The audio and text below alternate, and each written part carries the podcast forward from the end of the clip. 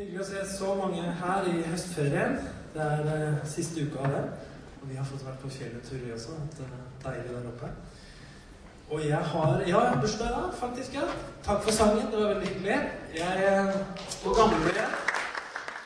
Jeg er sånn eh, Jeg er sånn, da sånn midt i livet.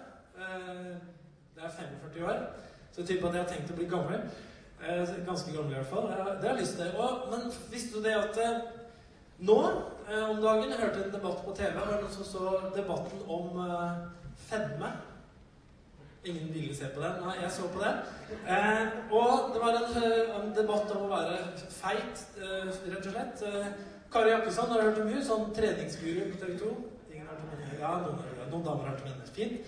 Hun sa nemlig, hun skrev i bloggen sin om lederen for Landsforening for overvektige eh, at eh, han gjemte seg bak fettet sitt. Eh, At han var feit. eh, Og det ble det veldig mye debatt av at hun sa det så rett ut at han burde ta liksom ansvar for sitt eget liv og gjøre noe. da. At de kunne ikke bare skylde på at det står nøkkelhull på Grandiosa. så Derfor så tenker man at det er helsekost, men alle skjønner vel egentlig at det ikke er helsekost selv om det står nøkkelhull på den.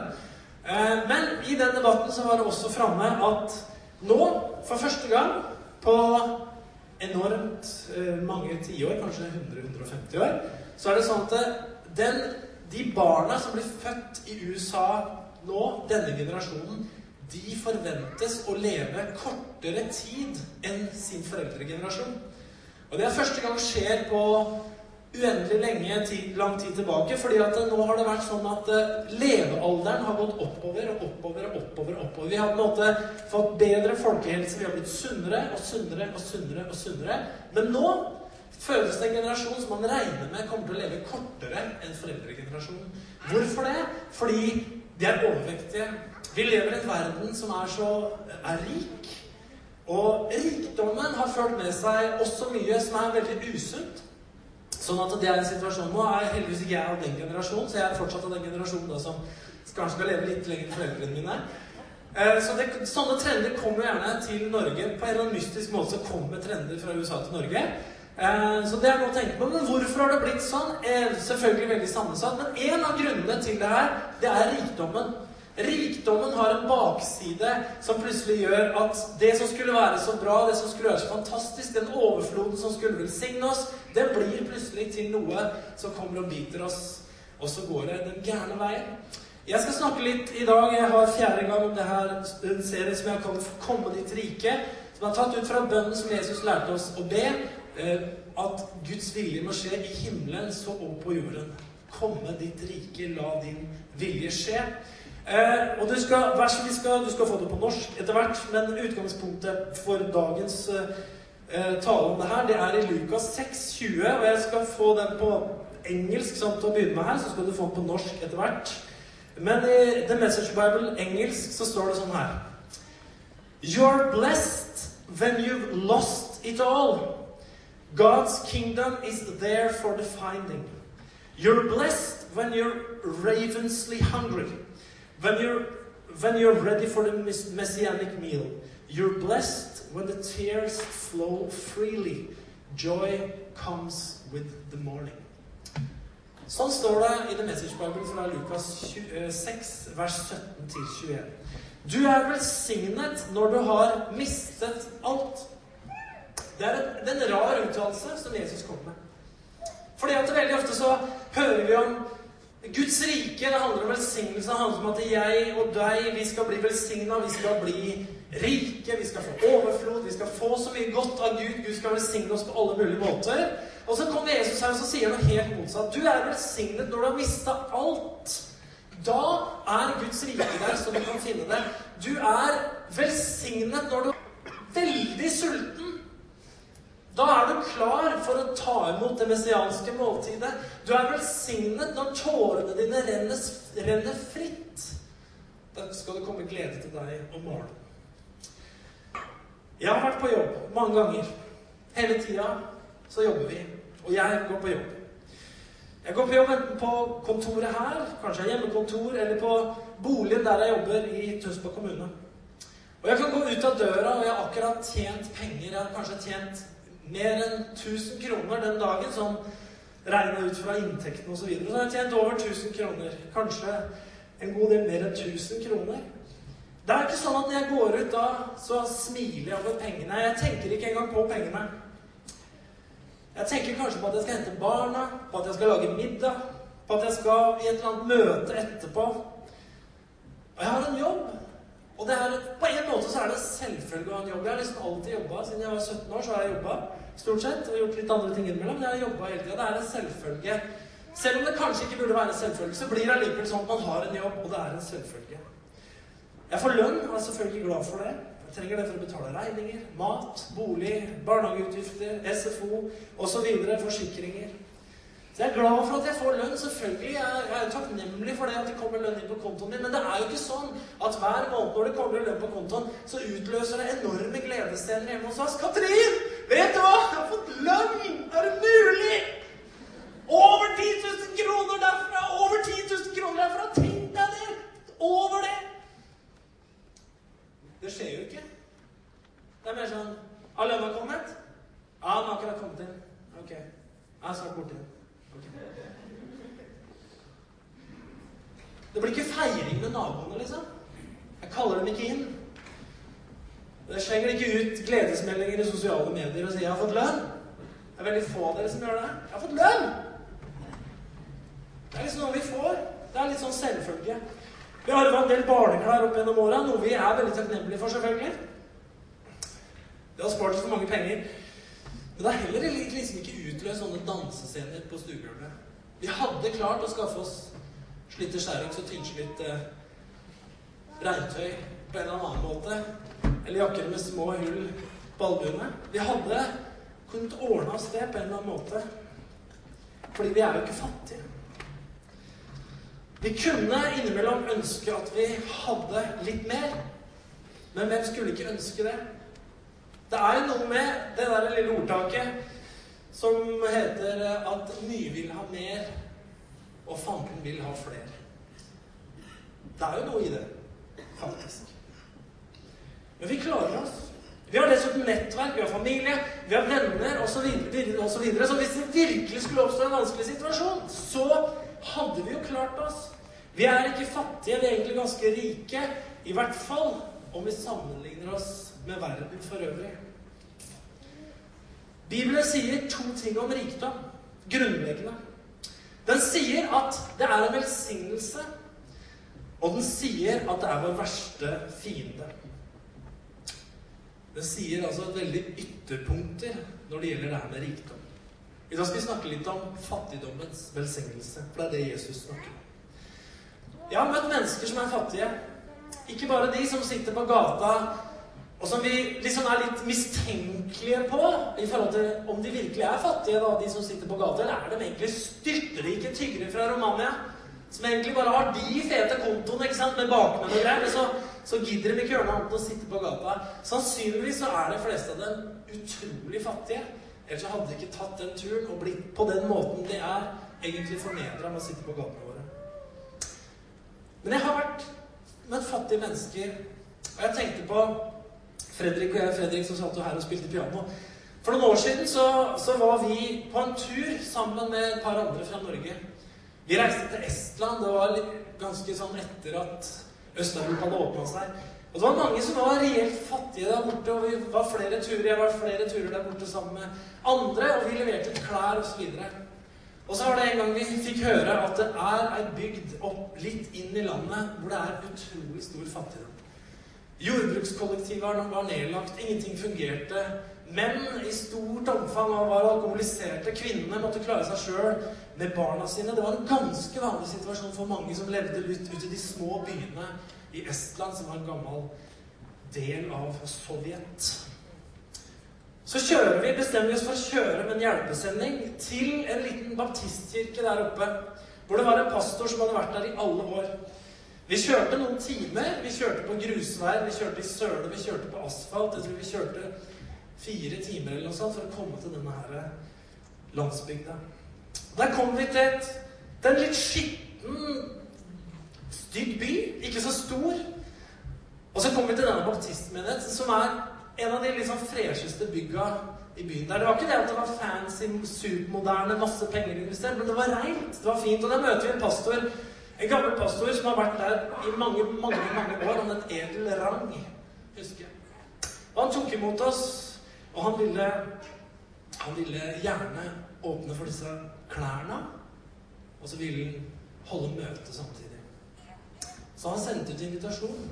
Og så sa han det er ei dame som vi har fått høre som er så fattig, som har flere unger. Henne må vi ringe til, og hun ble ringt etter. Og hun, kom, hun skulle komme på møte den kvelden. Så vi stabla i kartonger med klær, og vi skulle ha møte. Og den forsamlingen som kom, det var virkelige mennesker. De fleste av dem som var reelt fattige. Og så kommer denne dama med disse barna som hadde blitt spesielt ringt etter. Hun var fattig. Du kunne se på hele henne at hun var fattig. Hun var gusten i huden. Hun hadde trøtte, slitne øyne. Du kunne se på hele henne at her var det flate batterier. Her var det ingen krefter. Barna var bleike, gustne i huden. De var tynne. De, var ikke, de led ikke av overvekt, for å si det sånn. De var litt for tynne. Litt for skrantende. Og de hadde gamle, slitte klær. Og det møtet her det er aldri glemt. Fredrik var der, han spilte og var med å synge, og jeg talte, og det var noen andre som var der også. Det var en helt fantastisk atmosfære i det møtet. Jeg tror jeg nesten aldri har opplevd et sånt nærvær av Gud. En sånn nerve. Fordi at vi møtte liksom ekte behov. Det var liksom reell fattigdom. Det var ekte nød. Det mennesker som virkelig trengte hjelp. De trengte både praktisk hjelp, og de trengte Gud. Og vi hadde et fantastisk møte. Hvor det var flere mennesker som ble frelst. Og så kan man si ja, manipulasjon det er jo et fattig menneske blir jo etter klart, De blir jo frelst, de vet du, bare de på klær. Men det var noe annet. Det var virkelig et nærvær av Gud. Gud var virkelig der. Det var påtagelig. Det var som vi liksom var oppi noe annet på det møtet. Vi ba for mennesker. Det var mange tårer. Det var mange som møtte Gud. Flere som ble frelst. Og så denne kvinnen, denne dama, som fikk masse, fikk masse klær til barna sine. Hun var så takknemlig. Men jeg glemmer det ikke, for det gjorde så utslettelig inntrykk når fattigdommen var reell. Vi kom fra et annet rike den kvelden der. Vi kom fra Norge. Vi kom fra et annet kongerike som hadde så uendelig mye mer ressurser som vi hadde med oss, og kunne på en måte lindre noe av den trangen som de hadde akkurat der og da. Noe som var morsomt i tida etterpå, så var det at de klærne vi delte ut, var bl.a. Helly Hansen hadde gitt oss masse klær. Og det hadde vært sånn der Volvo Ocean Race med Knut Frosta, D-Juice Dragons. Er det noen som husker den rosa seilbåten som var med i Volvo Ocean Race med Knut Frosta?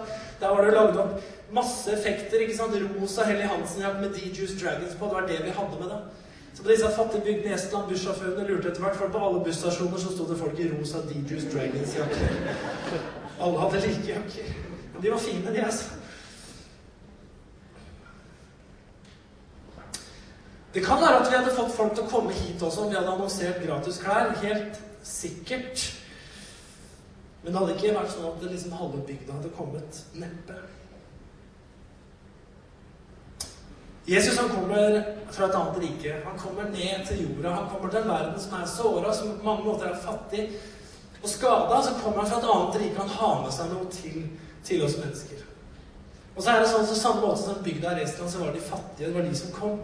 De som hadde litt, de kom nok ikke på møte i baptistkirken den kvelden. der. De fattige, de kom. De fattige kom der hvor det var noe å få. Og jeg tror det er noe akkurat det samme som Jesus forteller om. Det er noe at det er de fattige. Det er noe med dem. De kommer.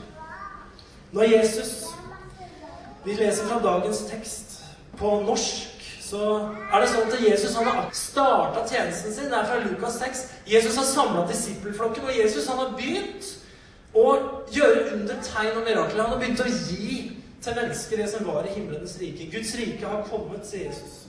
Han har kalt sammen disippelflokken, og så hopper vi inn i teksten i Lukas eh, 6 og vers eh, 17. Og jeg skal lese det på norsk, og så får vi også hovedverset her på skjerm.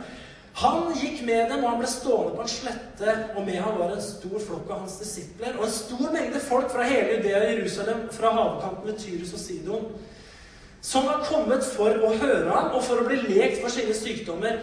Og de som var plaget av urene ånder, ble helbreda. Og alt folket søkte å få røre ved ham, for en kraft gikk ut ham for å helbrede, og helbredet alle. Han festet sine øyne på sine disipler og sa, Salig er dere fattige, for Guds rike er deres. Salig er dere når dere sulter, for dere skal mettes. Salig er dere som nå gråter, for dere skal le. Det verste har jeg sett sånn innimellom i bibellesninga opp gjennom åra. Salige er dere fattige, for Guds rike er deres. Vet du hva? Det er et vers som jeg syns utfordrer meg veldig. Det er et vers som utfordrer livet mitt veldig.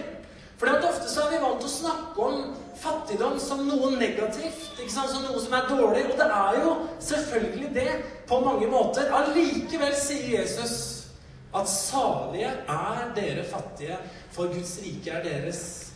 Salige? Hva betyr salig? Salig det, det, betyr å være opphøyd glad, full av glede og lykke. Så det er ganske sterkt, det han sier. Det handler om lykke, være heldig, være privilegert. Det sammenfaller med det Jesus sier i bergprekenen i Matteus 5,3, hvor han sier Salige er de fattige om den, for himlenes rike er deres. Er de fattige i ånden, for himlenes rike er deres. Det finnes med andre ord noe som er godt med fattigdom. Altså det å oppleve mangel, for det er det fattigdom handler om. Det Fattigdom handler om utilfredsstilte behov. Det handler om underskudd. Det handler om slit. Det handler om bekymring. Og så er det i dette her som Jesus sier, så er det sånn når man sier at dette er en døråpner til himlenes rike. Og det utfordrer meg. Og jeg tror i vår del av verden så er det her fryktelig utfordrende å forholde seg til. Ja, mener Jesus bare liksom materiell fattigdom? Nei, han mener tydeligvis en fattigdom på innsida. Kanskje så vel som materiell fattigdom noen ganger. Men han mener også en fattigdom på innsida. Ja. Det brukes i Nytestamentet fattigdom både om det her inne og det som er på utsida. Ordet 'fattig' i det verset her det er ikke så vanskelig å forstå hva fattig betyr, men jeg synes noen ganger det er artig å se hva, hva står det liksom under her på originalspråket. Og På originalspråket så står det et ord som heter torchos, gresk, som betyr å være en, en tigger. En som ber om noe. En som gjør det offentlig. Og det er noe med det at mangler man litt, så går det på bra for meg. Folk merker ikke det. Jeg mener, Du har nå fire-fem purringer liggende. Skal vi si annonseprekking? Nei, men jeg mener, altså folk merker jo ikke det. Om du har et par purringer liggende, et par ubetalte regninger, det ordner seg jo, ikke sant? Det er ikke noe som blir på en måte offentlig. Men de ordentlig fattige, de som er skikkelig fattige, de ser vi. Vi ser det. Vi ser, I store byer kan vi se det med slummen. Jeg vet ikke om det har vært noen ganger, Jeg husker jeg var bodde på et hotell. Jeg var i Malaysia.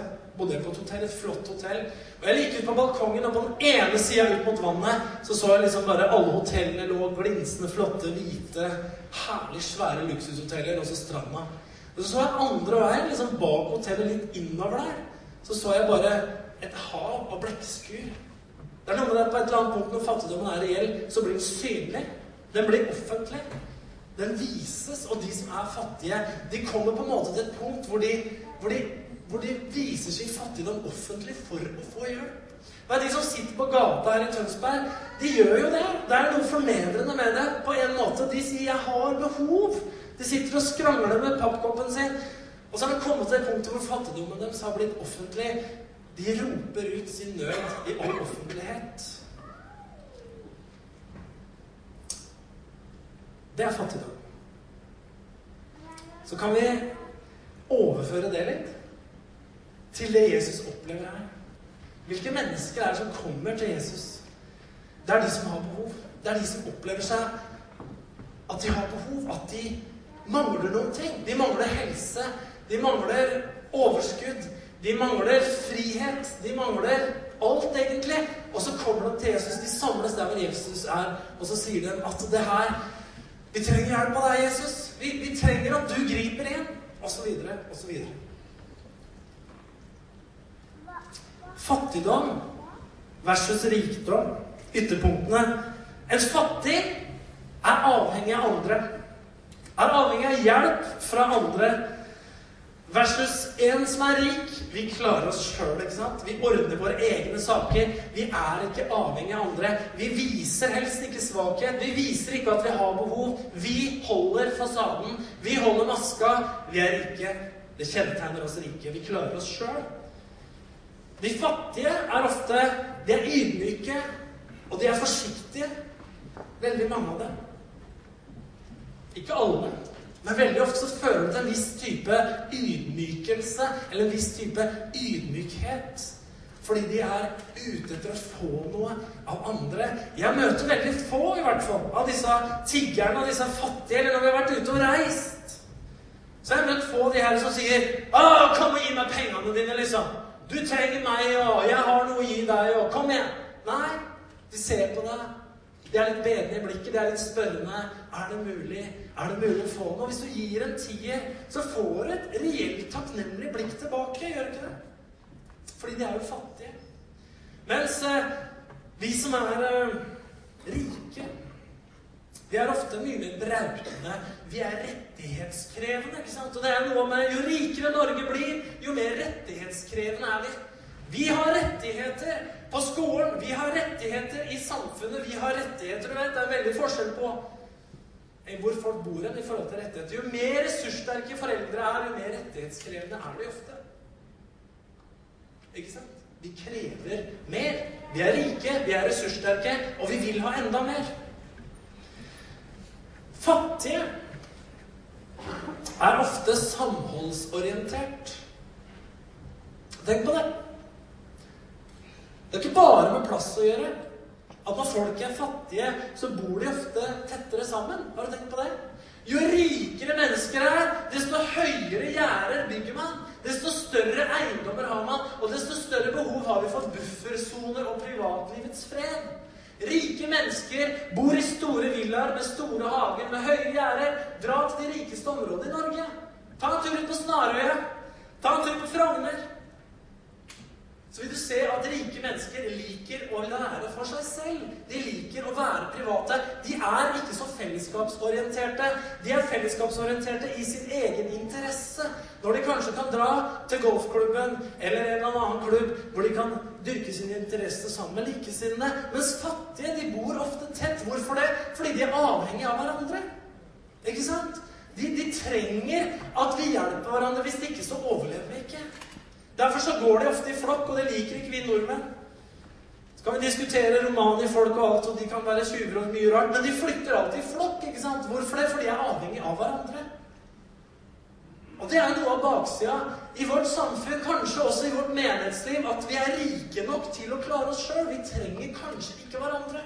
Vi trenger ikke å leve tett. Vi trenger ikke å være i nærheten av behovene til hverandre. Vi er rike nok til å bygge våre gjerder og våre store eiendommer og våre buffersoner og tre lag med hekker så ingen ser inn. Men jeg tror Gud er litt opptatt av at vi skal se inn i. Kanskje i hverandres liv. I vår egen svakhet.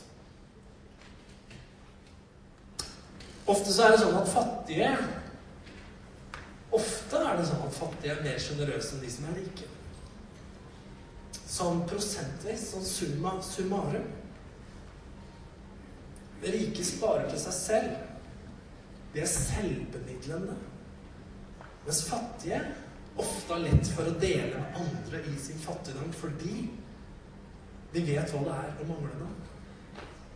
De betjener, ikke sant?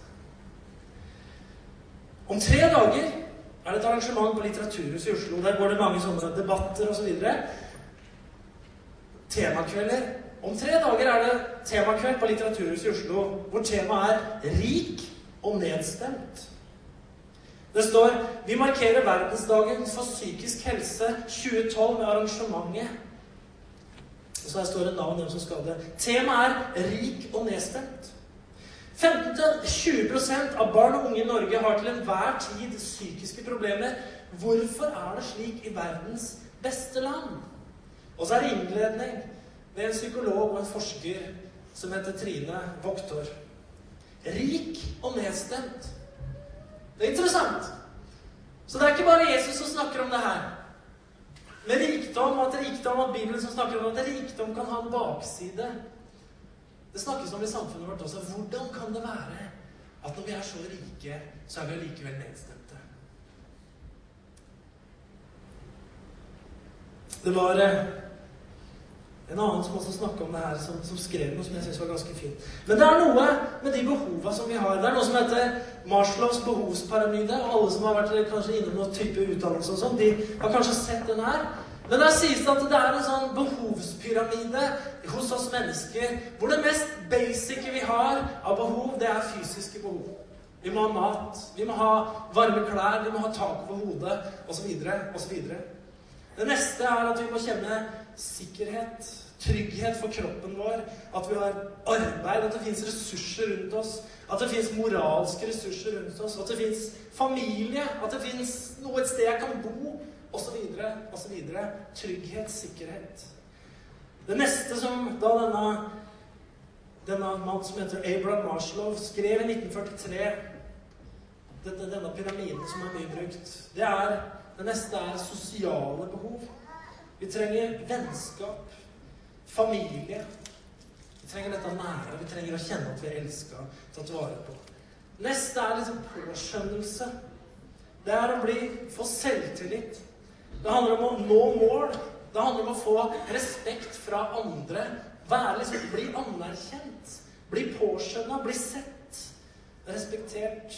Og det øverste det kaller han for selvrealisering. Det handler om å kunne løse problemer. Det handler om å kunne nå mål. Det handler om å kunne ha en høy moral. Det handler om å bli det man kan være. Få ut potensialet i livet sitt. Og det er det vårt samfunn handler mye om. Det handler om det øverste der. Det handler om selvrealisering. Hør nå, selvrealisering er bra, tror jeg. Jeg tror det er bibelsk med selvrealisering.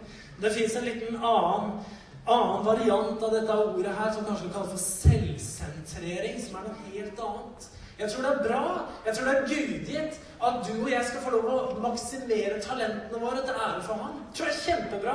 Jeg tror det er veldig bra at vi får dekka fysiske behov, at vi har trygghet sosialt dekka osv. At vi når noen ting, at vi blir anerkjent, og at vi får realisert det Gud har gitt oss. Men jeg tror ikke det er bra med selvsentrering. Og det er det rikdommen kan gjøre med oss. Det er ei annen som skrev det er mange som er engasjert i det her med rikdommens bakside i samfunnet vårt. Psykologer også. Det var en blogg hvor en psykolog skriver som følger Hør nå. Det er mye som tyder på at tallet av unge voksne som strever med psykiske lidelser i det rike Norge, er økende. Det gir liksom ikke helt mening, skriver denne psykologen. Vel, lever vi lenger og har ikke somatiske farer som tuberkulose og død av, men man kan liksom ikke glede seg mer. Man snakker om et materialistisk, hardt samfunn opptatt av fasade, slanke kropper, treningshysteri og spillegalskap. Det er en grunn for snakket. Å bruke fire timer daglig med World of Warcraft er vanlig, mens å hjelpe til hjemme eller handle for naboen er lite aktuelt.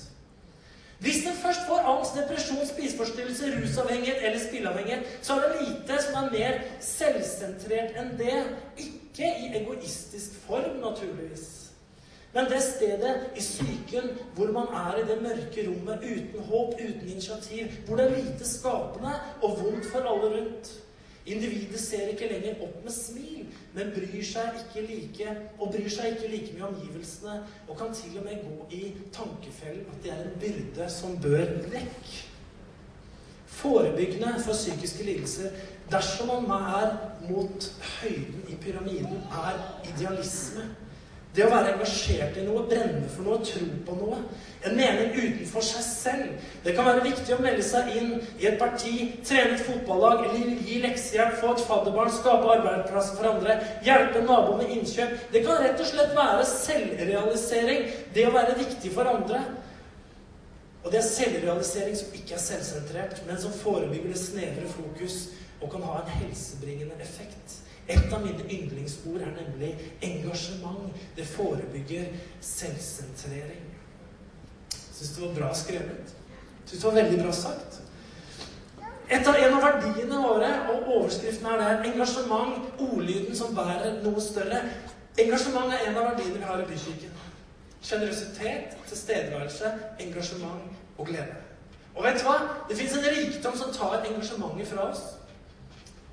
Det her, å brenne for noe, det er bibelsk. Det her å være engasjert i andre, det er bibelsk. Det kunne vært skrevet om litt, så det kunne vært henta ut fra en kristen bok, ikke sant? basert på bibelvers. Men idealisme det er å gi seg til noe som er større enn seg selv, fordi man har noe som man drømmer om, som er større enn seg selv. Det å være engasjert, det å brenne for noe, det handler om kristne verdier. Vær brennende. Ikke sant? Derfor så spør jeg meg sjøl hvordan er det for dette? Vet du hva? Det går ikke an å snakke om det Jesus sa. For han snakka om å være fattig i ånden. Det går egentlig ikke an å snakke om det uten å ta en skikkelig sjekk på seg sjøl. For det går nemlig ikke an å fake fattigdom. Det går ikke an, ikke sant? Nei, jeg er veldig, jeg er veldig fattig. altså jeg ja, så ser det ut uh, så ser det på kontoen din, og så ser det ut i garasjen din, og så ser det ut på fjellet hvor du har hytta di. Så hvordan, Hvor fattig er du? Ja, jeg ja, Vanskelig. Det er veldig vanskelig å komme unna. Så ser det ut på ligninga di. Så er man ganske rik. Finnes, finnes en eh, historie i Bibelen som er interessant. Jesus går en dag til tempelet. Han setter seg ned ved tempelkista. Jeg vet ikke om du kan ta på neste slide. Så setter han seg ned ved tempelkista, og så står det at han så hvordan folk la penger i den. Mange rike de ga mye, men det kom også en fattig enke og la i to småmynter, verdt noen få øre. Da, da, kalte han disiplene til seg og sa, 'Sanne sier dere, denne fattige enken har gitt mer enn noen av de andre som la penger i tempelkisten.' For de ga alle av sin overflod, men hun ga av sin fattigdom alt hun eide, alt hun hadde å leve av. Dette her fanger Jesu oppmerksomhet. Han sitter seg ned, og han ser hva folk gir. Jeg, kan jo, altså jeg tenkte å begynne med det her nede nå. Sitte der nede og se hva dere gir. Nei, jeg skal ikke det. Men i hvert fall, han sitter og observerer. Hva er det folk egentlig gir i tempelkista? Hvor mye er det de gir? Ikke bare om de gir, men hvor mye gir de? Og han satt og kikka, han der. Da fem dinar, to dinar, Hun ga en skjerv, som det sto i 33-årsskjortelsen. Det var alltid sånn salig ord. Denne kvinnen ga bare en skjerv av det hun hadde. Og det var det siste hun hadde, osv. Jeg har hørt sånne fine prekninger. Men det var det hun gjorde. Hun ga det siste hun hadde. Hun ga noe som har vært noen få øre. Og når Jesus får se det, så kaller han alle disiplene sammen. Ha! Se der! Hun har gitt mer enn alle de andre til sammen. For de har gitt av sin overflod, de har gitt av sin rikdom. Men hun ga det hun hadde. Og så er det merkelig å lese opp gjennom vekkelseshistorie. Så er det veldig ofte sånn at der det har vært gitt mye, der det har vært mye brann, mye engasjement, mye giverglede, så har det ikke vært i de velbemidla forsamlingene med mange rike mennesker som har gode jobber, men det har vært i sammenhenger hvor det har vært folk av lavere sosiale klasser. Det er de som har gitt mye. Man sier jo det nå i mange forsamlinger, man har sagt i mange år, og man merka effekten av det voldsomt nå for mange misjonsorganisasjoner osv. Nå forsvinner den gamle generasjonen som ikke var rike, men som ga mye penger. Nå forsvinner de gamle tantene og de gamle farfarene som tok, hadde, kanskje hadde minstepensjon, men som allikevel sådde inn i Guds rike hver eneste måned, inn i misjon osv. De ga og de ga og de ga. Og jeg må innrømme at jeg syns noen ganger når jeg har vært på sånne basarer som noen av disse eldre tantene har hatt, så tenker jeg er det mulig, liksom? Å legge ned så mye arbeid for så lite? Ja, men De sitter og strikker sokker, ikke sant? Sitter og strikker raggsokker. Jeg hadde brukt et halvt år på det. Det går sikkert fortere for dem, men allikevel så er det en god del jobb å lage. Er det ikke det? Det er litt jobb å lage liksom raggsokker med striper og hæl og tupp og alt det her, ikke sant? Det er litt jobb. Og så selger de det på basar, ikke sant? Misjonslotteri. 30 kroner til misjon! Som sitter og strikker og strikker og strikker. Det er vår generasjon. Vi gidder jo ikke det. Gjør vi det? Jeg veit om ei her som gjør det. Hun heter Henny. Hun sitter hjemme. Hun strikker, og så har hun med seg strikkesaker her en gang iblant. Og så selger hun det. Hvorfor gjør hun det? For hun gir det til misjon. Og så henne kan du gjerne kjøpe. Hun dukker snart opp igjen. Hun gjør det. Men vet du hva? Vi i vår generasjon, vi er mye smartere. Vi gjør jo business. Ikke sant? Det er bedre å gå på jobben og tjene mye penger og gi. Og selvfølgelig er det kjempebra. Men noen ganger så spør vi gjør vi det. I vår overflod gjør vi det. Eller er vi så rike at vi bare gir av vår overflod? Det fins menigheter i Norge i dag som er ganske nystarta. Som består av ganske unge mennesker. Som ikke tjener mye. Som er studenter. Som gir mye mer penger enn etablerte, voksne, rike forsamlinger. Hvorfor det? De fattige gir ofte mer enn de rike. Sånn har det bare alltid vært. Og sånn er det. Når Levi Petrus, pinsebevegelsens grunnlegger i Sverige, bygde Philadelphia Stockholm med sitteplass for 6000 mennesker Som det en av de største menighetene i hele verden. Men han gjorde det ikke med overklassen. Det var arbeiderklassen. Det var arbeiderne som danna grunnlaget i den forsamlingen. Det handla veldig mye om arbeidere som tok med en annen fra arbeiderklassen, og så bygde de forsamling. De var fattige, men de ble allikevel velsigna. Så Jesus utfordrer oss, og han sier Får det verset en gang til fra Lukas 6, 20. Vi kan ta neste slag. Han festet sine øyne på sine disipler og sa, 'Salige er dere fattige, for Guds rike er deres.' I fattige forsamlinger så er det veldig ofte at man tør å vise sitt behov offentlig. Jeg sier, 'Jesus, jeg har behov. Jeg har behov for hjelp. Jeg har behov for helbredelse. Jeg har behov for å møte deg. Jeg har behov at du kommer og hjelper meg. Man viser nøden sin offentlig. Fattige mennesker kan gjøre det. Så jeg er fattig, og jeg trenger deg. I rike forsamlinger på den gærne måten så er det veldig stor terskel ofte å vise sin nød og fattigdom offentlig. Vi gjør ikke det. Vi må holde maska. Vi har en fasade å ta vare på. Det passer seg ikke. Jeg skal lande nå, men det er en historie i Bibelen som jeg syns er fascinerende. Det fins en historie om en blind mann som sitter langs veien. En dag Han har sikkert sittet der mye. En dag så er det sånn at Jesus tilfeldigvis kommer gående på den veien hvor han sitter. Og det er mange mennesker som er rundt Jesus, mange mennesker som er interessert i å være der hvor Jesus er, for å høre hva han har å si, og se om det skjer noe, osv. De liksom liker å henge rundt Jesus. Så kommer Jesus gående, og denne blinde mannen som sitter her, han hører at det er mange folk som er ute og går. Han hører at det er en folkemengde som kommer, og spør hva er det som skjer nå? Alle de folka her, hva, hva, hva, hva, hva liksom er på gang nå? Hvorfor er så mange mennesker rett rundt meg her nå? Det hører de kommer. Jo, Jesus Jesus fra Nazaret, han har hørt om, ikke sant? Det er han, det er han som kommer gående. Han er på vei bortover her. Derfor er det så mye folk. Å, er Jesus fra Nazaret? sier denne blinde mannen. Sitter i veikanten. Og det var sikkert litt sånn, litt sånn eh, mumlende stemning. Alle var sånn mumling, kanskje. Alle prata litt om Jesus. Hva skal skje? han fra Naset som har gjort mye mirakler. Det er han og jeg. Har du sett vært med der han har gått fra? Jeg har ikke vært med, for jeg blir med og ser hva som skjer. og hørt at ting som kan skje og så videre. Og plutselig, midt i den mumlinga her, så er det en eller annen fyr som bare begynner å spørre Jesus fra Nasaret! Forbarm deg over meg! Det er veldig pinlig. Har du borti sånne? Plutselig roper ut offentlig. Og så står det det at da begynte alle å hysje på. Skjerp ikke, du kan ikke rumpe sånn. Om du roer deg ned, ikke sant? Du kan ikke bare skrike. Er Jesus fra Nasaret. Så kommer han, kan bare sitte og skrike i veikanten. Så står det han brydde seg ikke om det de sa. Jesus fra Nasaret, forbarm deg over meg! Er du gæren? Ro deg ned! Denne mannen var fattig. Han hadde et reelt behov i livet sitt. Han var blind.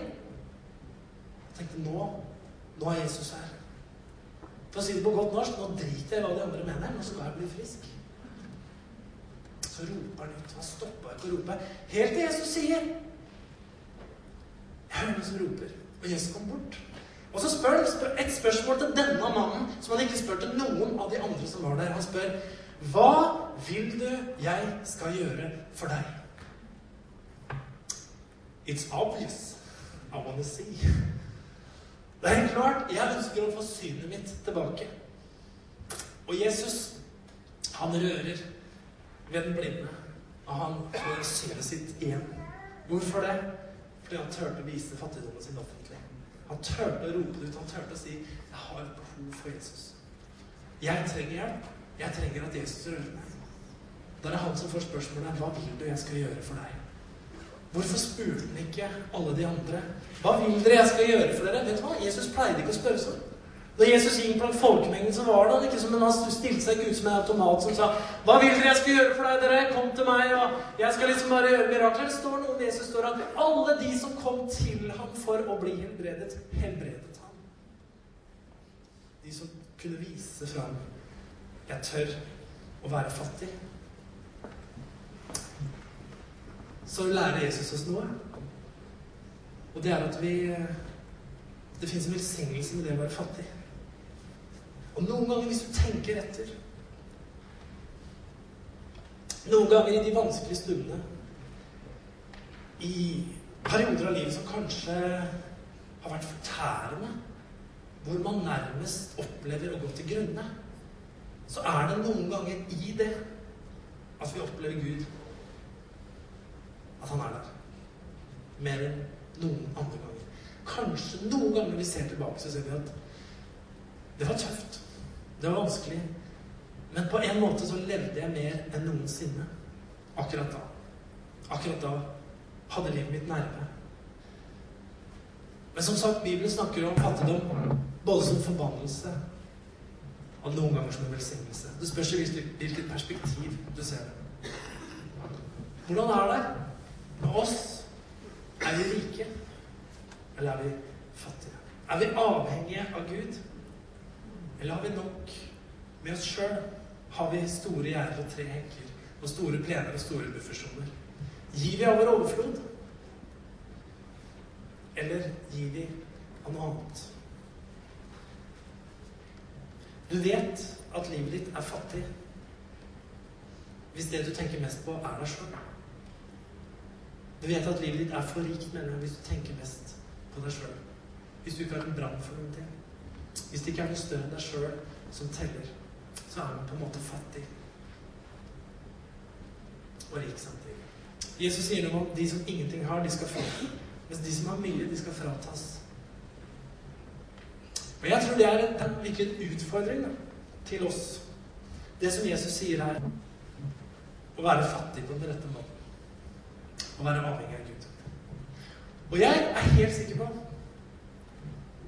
at rike, feite menigheter som har nok med seg sjøl, og som gir sånn passe fordi det sømmer seg Der tror jeg Gud. Om han ikke forlater bygningen, så er det ikke der han trives aller best. Og jeg tror at sånne forsamlinger kommer til å oppleve og bety veldig lite for sine omgivelser. Men det Jesus sier her, om å være litt rå og det å være fattig, det er å gi Der tror jeg Jesus trives. Det er der Jesus var. Der det himmelens rike åpne seg. Fredrik, kan ikke du ta piano, så skal vi ta oss og lande litt her nå? Hvile litt. Skal vi ta det? Ja,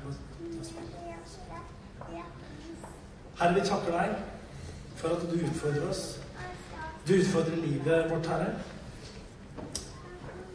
Takk for det du sier. Takk for det du lærer oss om ditt rike, Herre. Takk for at ditt rike er, takk for at ditt rike er tilgjengelig. Takk for at ditt rike ikke er lukka og fjerna, Herre, men takk for at ditt rike, det er at hand. Det er, det er til å få tak i.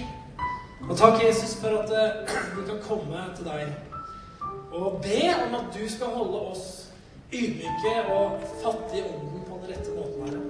Herre, du ser, uh, ser den verden som vi er satt i, Herre, som vi kan uh, Som det er meninga at vi skal bety noe for. Som det er meninga at vi som er ditt folk, Herre, skal være en velsignelse for. Takk, Herre, for at du har investert i oss for at vi skal være en velsignelse. Herre, må du bevare oss fra å være rike på feil måte. At du bevarer oss fra å være selvsentrerte. At du bevarer oss fra alt det her som gjør at vi holder oss for oss sjøl bare, og ikke tør å leve livet med gjerdene nede. Jeg takker deg for det, Jesus. Så takker jeg deg, Herre, for at du viser oss verdien av å vise våre behov offentlig. At ikke vi behøver å bære på så utrolig store hemmeligheter hele tida. Takker deg for det, Jesus Kristus. Halleluja. Skal vi ta oss og reise oss? Og så skal vi, vi kan gjøre oss klar til en sang eh, på slutten her. Prise Gud litt. Det kan være at du eh, er her i formiddag som eh, Kanskje du trenger å gi livet ditt til Jesus. Veldig ofte så snakker vi om å bli, bli frelst, men å bli frelst det kan skje mange ganger. Jeg tror på det å bli frelst i betydning bli født på ny og ta imot Jesus som frelser og Herre er et eller annet sted som står. Ikke sant? Derfor så tenker jeg at nå her i formiddag, før vi går litt fra hverandre, så skal vi ta oss og be sammen. Kanskje du står her inne som kjenner at Vet du hva? Jeg har lyst til Jeg må gi mitt liv til Jesus på en ny måte. Jeg må, jeg må, gi hjertet mitt til ham på nytt. Jeg må gi livet mitt til Jesus på nytt. Kan ikke alle lukke øynene et lite øyeblikk? Et lite øyeblikk lukker vi øynene våre. Og hvis du er her i formiddag som kjenner jeg må gi mitt liv til Jesus på en ny måte Jeg trenger å på en måte ikle meg den rette fattigdommen igjen og komme til ham. Kan ikke du rekke opp hånda di hvis du er her? Gud velsigne deg. Gud velsigne deg og deg. Det er noen hender her. Herre, vi takker deg. Vi takker deg, Jesus, for denne formiddagen, at vi kan få lov å gi våre liv til deg på nytt, Herre. Vi kan få gi det vi har til deg, Herre. Vi kan få lov å vise hvem vi er overfor deg offentlig. Vi kan få lov å ikle oss en sjenerøsitet og en nåde som tilhører de som er avhengig i Jesu mektige Og så vil du hjelpe oss, Herre, holde oss våkne, sånn at vi ikke detter ned i det som du kaller for rikdommens bedrag. Verken åndelig eller materielt. At ikke vi blir bedratt, Herre, til å leve på en illusjon. Å leve på en måte som vi tror er bra, men som ender opp med å gjøre oss nedstemte og lite fulle av liv og entusiasme. Herre, hjelp oss med det.